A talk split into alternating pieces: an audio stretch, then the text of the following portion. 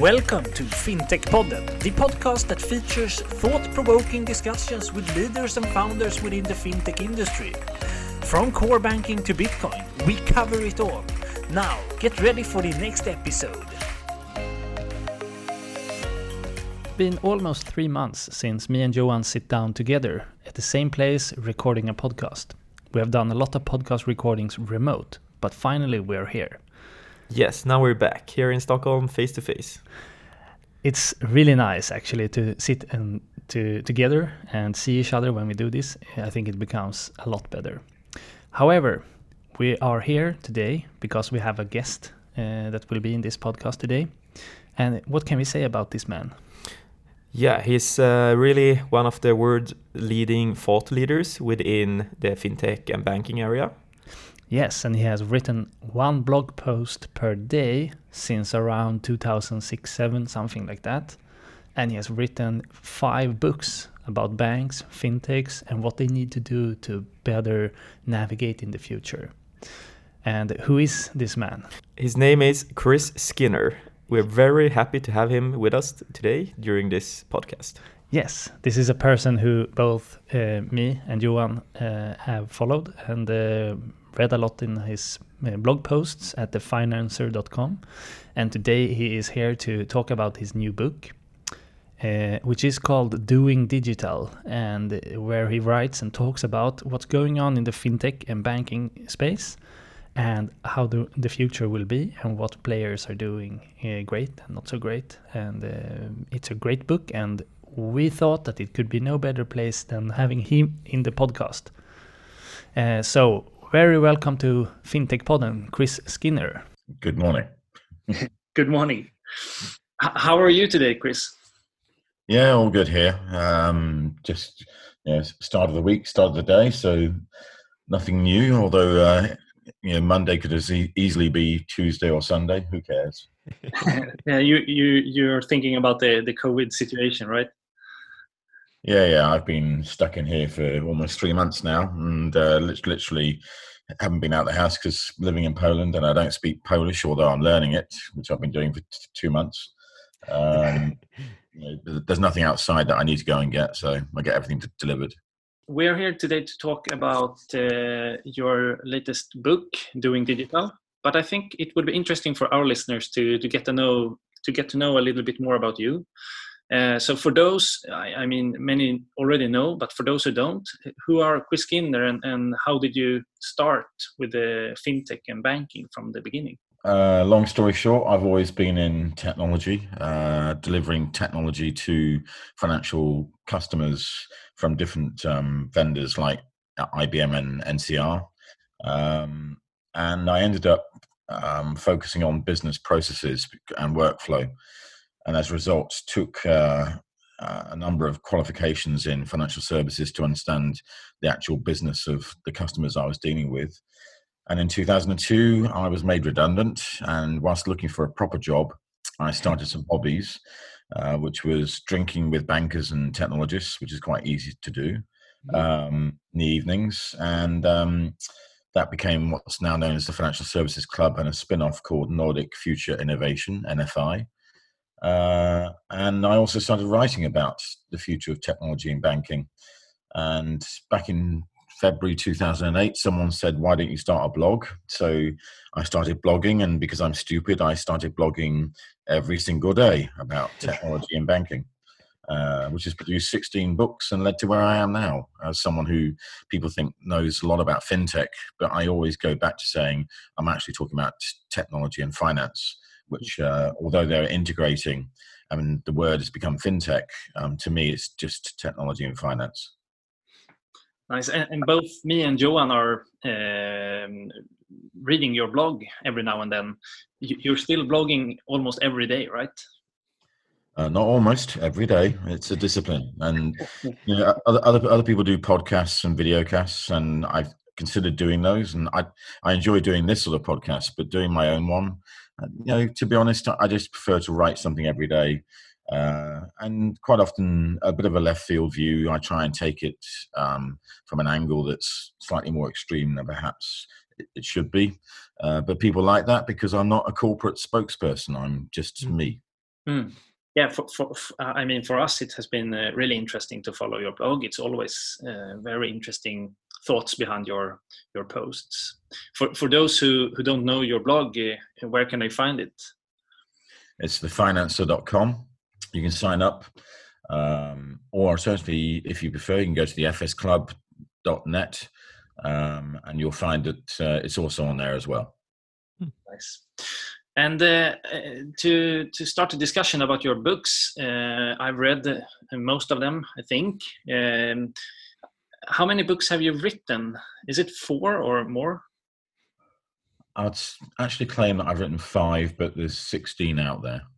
Yeah, so, so we have Digital Bank, Value Web, Digital Human, and Doing Digital, which recently released, right?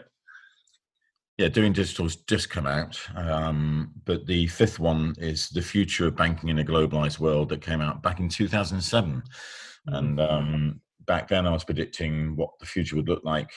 And two key things in that book that I said is that Chinese banks would be dominating the world, which they are today. And the other is that we'd all be doing banking over video, which hasn't quite happened. But with the coronavirus crisis, I think everyone's moved to Zoom very quickly. So probably it will happen. Yeah, really interesting. And when you talk about the, the Chinese banks, uh, uh, which are you thinking about them? Are we talking about Ant Financial and so on?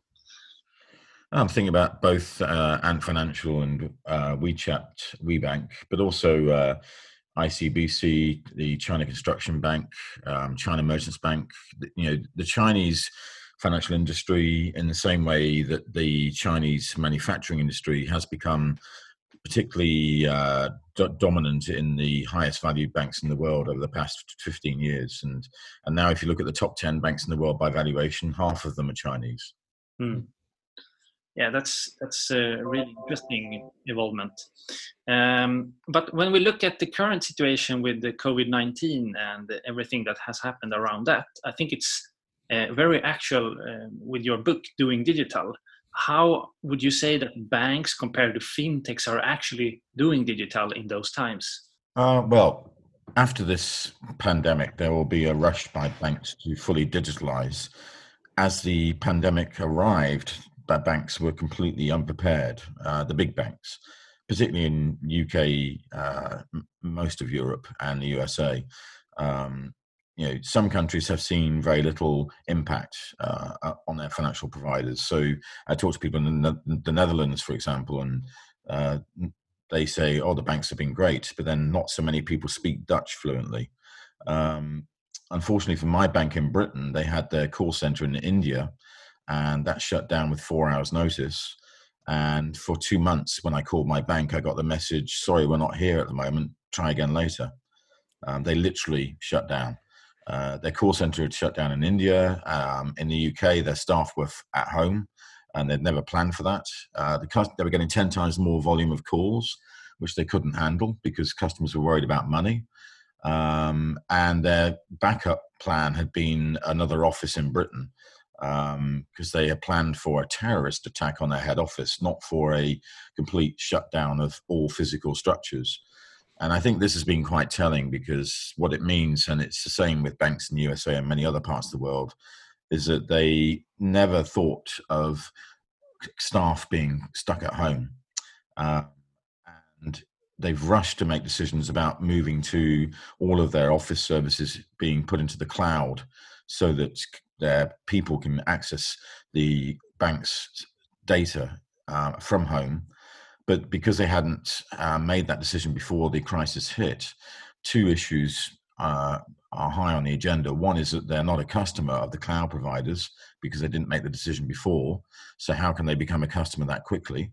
Um, and the cloud providers will put their current customers first, obviously. Mm. Uh, and the second is that even if they could get onto the cloud uh, how can they create the appropriate compliance and regulatory structures around that move in this short time? Uh, so, what will happen post pandemic is that the banks will actually move very quickly to um, structures that are digital and allow uh, remote working, but they hadn't um, made those decisions before the crisis hit, even though they've been thinking about it for years. Uh, and you know they should have made those decisions years ago, um, but now they're having to make them because they're um, their arm has been twisted. Yeah, and um, and uh, another thing that that uh, when you read your when we read your book, we see that you often talk about Stripe as a as a great company or a great fintech company as your favorite. Can you can you tell our listeners a bit uh, why you think so? Yeah, I mean, I've got a lot of um, companies that I like a lot, um, like Klarna, which has been in one of my previous books. Mm. Um, and what I like about Klarna in particular is the founders, um, when I was interviewing them, said that before they started this uh, major fintech from Europe, I think it's the second highest valued fintech in Europe, um, they were flipping burgers in Burger King. so it just goes to show that um, people who uh, you know, have very little accept ideas can become billionaires, and they they are. Um, Stripe is similar. You know, they started in 2010 with two brothers from Ireland, Patrick and John Collison, um, who were 21 and 19 years old at the time that they began the business, which is amazing considering how young they were. But they had a vision, which is it's difficult to do business online. Uh, and they had a um, execution of that vision, which is seven lines of code, uh, and that's the reason why they're my favorite. Um, it's because they started when they were so young. They've become the highest valued fintech in the world, $36 billion, and that was just last month, um, which makes them, you know, kind of like the value of seven Commerzbanks from Germany. And Commerzbank is a pretty big old bank, um, but Stripe is seven times more valuable just in 10 years. Uh, with seven lines of code. And that's the key thing. It's seven lines of code as an API and it really demonstrates the power of the world we live in today in terms of digitalization because it's all based around having beautiful code uh, written fantastically well executed brilliantly um, put into the marketplace of the internet as a service uh, powered by cloud computing and available as an api or as an app in some cases or as an analytics in other cases um, that creates multi-billion dollar unicorn companies. And you know, without cloud, without smartphones, without apps and APIs, none of that would exist today. It's a completely different world that most traditional banks, because they were built for the industrial revolution, just don't understand. Hmm. Yeah, it's really interesting that you mentioned Klarna. I mean, uh, both me and Johan lives in Sweden, and we have several friends working at Klarna. They're really having a, new type of structure with the, um, only three levels, uh, very short up to management, and working in small teams and we recently saw that uh, Ant uh, or Alibaba or Ant Financial bought a small stake in the company. Uh, do you see that the, the Chinese are, are like buying companies all around the world and that that will continue or what are your thoughts on, on their latest move? Well, Ant Financial and Alipay are different to most Chinese companies. If you look at WeChat and WeBank um, and WeChat Pay, you haven't seen them with a global mission in the same way that we see with Ant Financial. So Ant Financial's global mission, and this was something that I highlighted in depth in Digital Human, uh, which came out two years ago. Um, a third of that book was dedicated to Ant Financial and Alipay because their global mission is financial inclusion and exporting their technology capabilities to other economies and countries. So they actually power quite a lot of mobile wallets, um, allowing interoperability between, for example, Vipps in Norway uh, and the equivalent in Finland and Portugal and Spain. Um, they also are the power behind Paytm in India, which is one of the biggest mobile wallets in India. Um, and it's interesting that they have created this joint venture investment with Klarna because if you look at the roots of Klarna and Alipay, they're the same. It's just they both started as an escrow service because people didn't trust buying online. And so there's a natural affinity between the two companies. And what interests me is, you know, maybe over the next decade, we'll see quite a few of the fintech unicorns and innovators partnering in a similar me- uh, way to create global platforms. And that would be fascinating and um, interesting to follow. Mm. Yeah, uh, totally agree. And, and, um, talking about that, I mean, if we if we look at the big techs such as Amazon and Alibaba and Google, etc., uh, in your books we can read that that they uh, will have a hard time to to just go in and disrupt everything because of various reasons. Can you can you elaborate a little bit on that? Well, I may be wrong, but uh, when you're talking about the future, very few people actually go back and check what you said. Um, but um, I have this view that the big tech giants will never go into banking, not into full service banking. Uh, they'll take a lot of the margin from the fringe, particularly around credit and um, loans. But I don't see them going into full service deposit based banking because uh, firstly, it means that they have to deal with all the compliance overhead that that implies, which is five times more than the uh, legal overhead within technology. Um, Bank of America came out with a figure that the average US bank deals with 128,000 regulations, and the average US technology company deals with 27,000 regulations. So, five times more regulation is uh, a challenge. But more than that, and this is the important piece, is that nearly every big tech company makes huge amounts of revenue out of servicing banks. You know, Alibaba's got most Chinese banks using their technologies. Um, the same with Amazon with their cloud services. The same with Facebook with their advertising.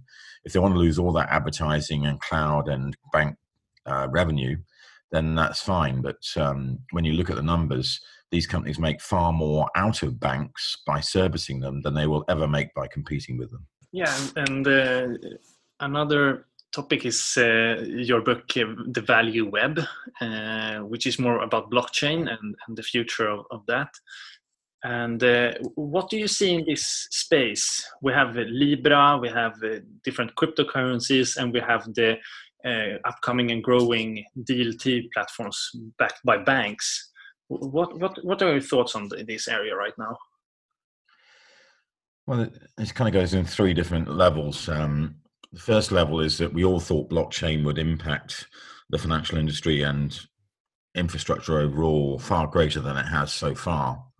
And that's because a lot of what blockchain distributed ledger technology can deal with is actually not technology problems, it's um, problems around harmonization of standards and agreements. So things like digital identity clearing and settlement, you know, these are areas that require governments and uh, institutions and businesses, and in some cases citizens, to agree that that's what they want before it can be implemented. Which is why it's taking so long. But I think, like most technologies, it's um, we overestimated how quickly it would change things, but we underestimate how uh, radically it will change things. It will radically change things. Just a question of when um, and probably from where we are today, it's still another uh, five to ten years before we see the real impact. Uh, the real impact will be things like central bank digital currencies becoming normal. Uh, I actually had a call the other day with the Riksbank in Sweden, and I asked them directly, "When are you going to issue the e-krona?" And they said, "Well, we're still doing the trial. Uh, I can't give you a date."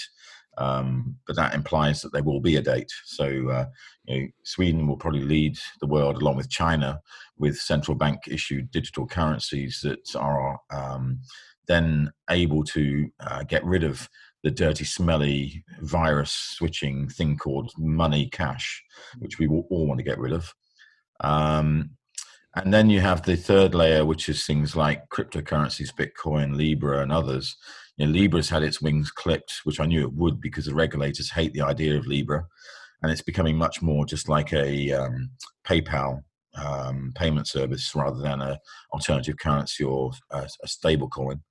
Uh, Bitcoin is still on the fringes. Um, yeah, you know, people still love Bitcoin. It's going to uh, increase in value because of the halving that took place uh, the other day. Um, but you know, what's the asset behind Bitcoin? There isn't one. No, uh, the, the market. but uh, and people speculating. Yeah. And uh, uh, do you think that Libra is is it, have they reached a, a, dead end or like a road where they they won't go any longer? No, I mean they got a new partner the other day from Asia that's a very significant name, uh, and they're still moving forward. But what's happened is that they originally began with the idea of being a stable coin based on a basket of currencies. Now they're actually saying that they're just going to be a money switching service based on fiat currencies. So they've reined back their ambition significantly in Libra 2.0. Uh, there'll still be more that goes on behind the scenes to create a Libra 3.0. And by the time they actually get to a Libra issue currency, it's not going to be a currency at all. It's just going to be a, um, a digital wallet. Yeah, and, and here in Sweden, we have had a lot of talks and discussion about the this, the the Rikskrona or the e-krona from Riksbanken, uh, as you mentioned. And uh, I mean, what do you see, except for we that we won't handle cash anymore? What what do you see will change more than that? Uh, do you see anything will change due to the fact that we might have a, a central bank issued uh, e-krona? Well, the big question with central bank digital currencies, whether it's e-krona or the e-pound or the e-dollar, is um, how the structure of issuance uh, around that currency is implemented. Because you could potentially short circuit the whole marketplace and issue direct government to consumer, governments to citizen, and short circuit the banking industry. Uh, I don't think any market will do that. And it's one of the things I regularly come back to. And again, it's something that I talk about extensively in Digital Human is that over the um, last seven million years, if we've become humans and civilized and industrial, we've created structures that are bedrocks of our foundations of how we do societies, of which one is banks that are regulated by governments being stores of value of what we believe is valuable called money. Because um, you think about it, and if tomorrow Swedish government said the uh, paper-based krona is no longer a um, a token of value, you have to exchange a digital krona, then your cash will become meaningless. You, know, you might as well burn it in a fire because it's no longer got any value. Um, and so we only believe money has value because the government tells us it's valuable, and you only store it in banks because the government says you can trust the banks to store it because we regulate them. Uh, that's not going to go away. Um, and so I don't see any central bank really issuing digital currencies in a form that would go direct to consumer or citizen or business. It will, it will de- still go through a intermediary that's regulated and licensed. And in fact, we've seen that with um, you know, cryptocurrencies because Bitcoin initially was being traded by unregulated entities like Mt. Gox that went bankrupt and everyone lost their money. And now a lot of the trading of cryptocurrencies is through regulated entities like Coinbase. Um, because once they're regulated, they can be more trustworthy. And that's at the core of everything, which is trust. So when we get to the end of 2030, um, which had been has been turbocharged and escalated to 2020 thanks to coronavirus, um, we'll see most of what we do being transacted dig- digitally, but there'll still be a very strong role for the financial intermediary with trust in that structure. The difference will be that the financial intermediary with trust might not be your traditional bank. It might be a new challenger or a new fintech company like Klarna or or Ant, yeah, Ant Financial, um, because they've proven their uh, abilities to do this. Uh, but it won't be someone who's just woken up this morning and said, "I'm going to open a bank." Hmm. Yeah, really interesting. If we take a look uh, at the Nordic market here, Chris, we had uh, you discussed you had some uh, knowledge about this and been part of different forums and so on here. But what is your thought about the development happening here in the Nordics in general? Well, I run a group called Nordic Finance Innovation, which we just changed the name actually to Nordic Future Innovation because we have a lot of telcos and uh, retailers and other partners on board with the group now. Uh, based out of Oslo, we meet quarterly in uh, Stockholm, Helsinki, and um, in Copenhagen, but also we quite often go to Reykjavik and uh, uh, to Estonia, Tallinn, and to other countries um, because Nordic is not just the four big countries. You know, it has uh, an, an, overlap with a lot of the other countries around the region.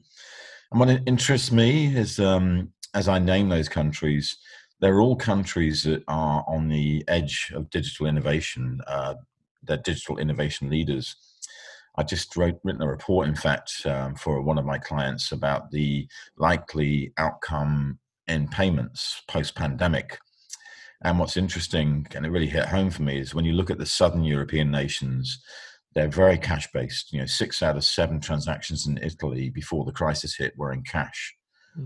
Uh, when I go to Iceland or to most Nordic countries, if I produce banknotes, people look at me like I'm an I'm an idiot. You know, I mean, like, where are you from?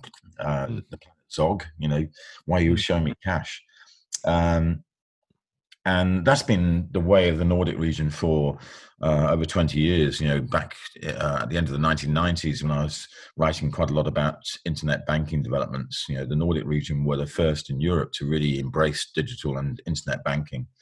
Uh, and now, you know, the Nordics are the region that has the highest usage of mobile wallets, like Swish. Hmm. Um, far ahead of the rest of the world and the rest of Europe, certainly uh, and pro- maybe on a par with China in some ways. Hmm. Um, so the Nordic region, I, I, I really enjoy um, my travels and engagement discussions around the region. Um, uh, but equally, I think the humor of the Nordics is not very well known outside the region. But hmm. uh, the funniest thing I ever encountered was at a conference in Reykjavik, where the organizers didn't tell anyone that the um, the speech after lunch about the future of banking was actually going to be a professional comedian from uh, Iceland, and um, he talked about the differences between the nationalities of the Nordic region. And I won't go into depth, but the gist of it was that uh, you guys really are funny. but if you look at the traditional like banking collaborations here in Nordic, we have a long history of different, uh, both uh, inside countries, but also between countries, such as Swish and now P27. Uh, what is your thought about those type of big bank collaborations? Are they good or bad for the whole innovation ecosystem? Um, I mean, most of the banks in the Nordic region um, are because of the digital leadership also ahead in terms of digital transformation and digital structures. Uh, the difficulty for banks in partnerships is that um, the attitude has to be one where there's a equitable relationship. Um, and it's very hard to do partnerships well. Um, I know this from personal experience because I've been involved in heading up partnerships within, within technology companies. Um, but equally, you know, one of the chapters of the new book, Doing Digital, is all about partnering and how the challenges in partnering uh, sit.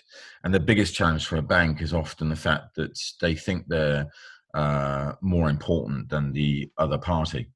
Mm. Uh, because they're older, bigger, they have more capital. And this particularly applies to fintech bank partnerships more than bank bank partnerships. Um, and if I put it in context, you know, partnership is the same as a relationship. And if you are in a personal relationship with someone and you think you're more important than them, the partner, the relationship doesn't work. Uh, and the same equally applies in partnering between any institutions. If you think you're more important than the partner, it won't work. You both have to have skin in the game. You both have to have an opportunity to win in the game. And you both have to feel that you're working on an equal plane. And if you don't have that, then it, it'll fail. I think we touched upon it a little bit before, but do you have any specific favorite Swedish fintech or maybe even Nordic fintech? We talked a little bit about Klarna, but do you have any other ones that you want to highlight? Um, there's a, a, a few. Um, I, I, guess the one that immediately came into my head is ePassi in uh, mm-hmm. Finland. Mm-hmm. And the reason why they immediately pop into my head is because I know them well. And in, in some ways, I guess um, I, have I've shined a light on them. And if you don't know them, um, they basically uh, were running a QR code employee benefits mobile wallet service in Finland um, for companies. And in 2016, were discovered by Alipay uh, and became a partner with Alipay within three months. And three months after that, rolled out QR code payments for Chinese tourists in Lapland for Father Christmas. Hmm. Um, and now they've become uh, a significant provider of QR code based payments with Alipay across the Nordic region. Um, and the reason why I find this so interesting is because in 2016 at Christmas, something like um, I can't remember the numbers, about 50,000 tourists came to Lapland. Uh, the estimate was going to be that 8 million tourists would come to Lapland in 2020, but I doubt it because of the hmm. coronavirus crisis. But um, you know, it's just a good example of how a small company that had to be doing QR code payments got found by a massive Chinese giant. And the other one I quite like is companies like Tink, who I talk to mm. quite often, um, because again, they're um, creating new ideas and doing innovations um, that come from a different perspective. And I think this is one of the key things around every region that wherever I go before the lockdown occurred, um, I found people with entrepreneurial vision in every country, but every vision in every country has a different approach because we're not one homogenous society that's global. We're actually uh, all very different, um, but all with the same uh, ability to think outside the box. Hmm.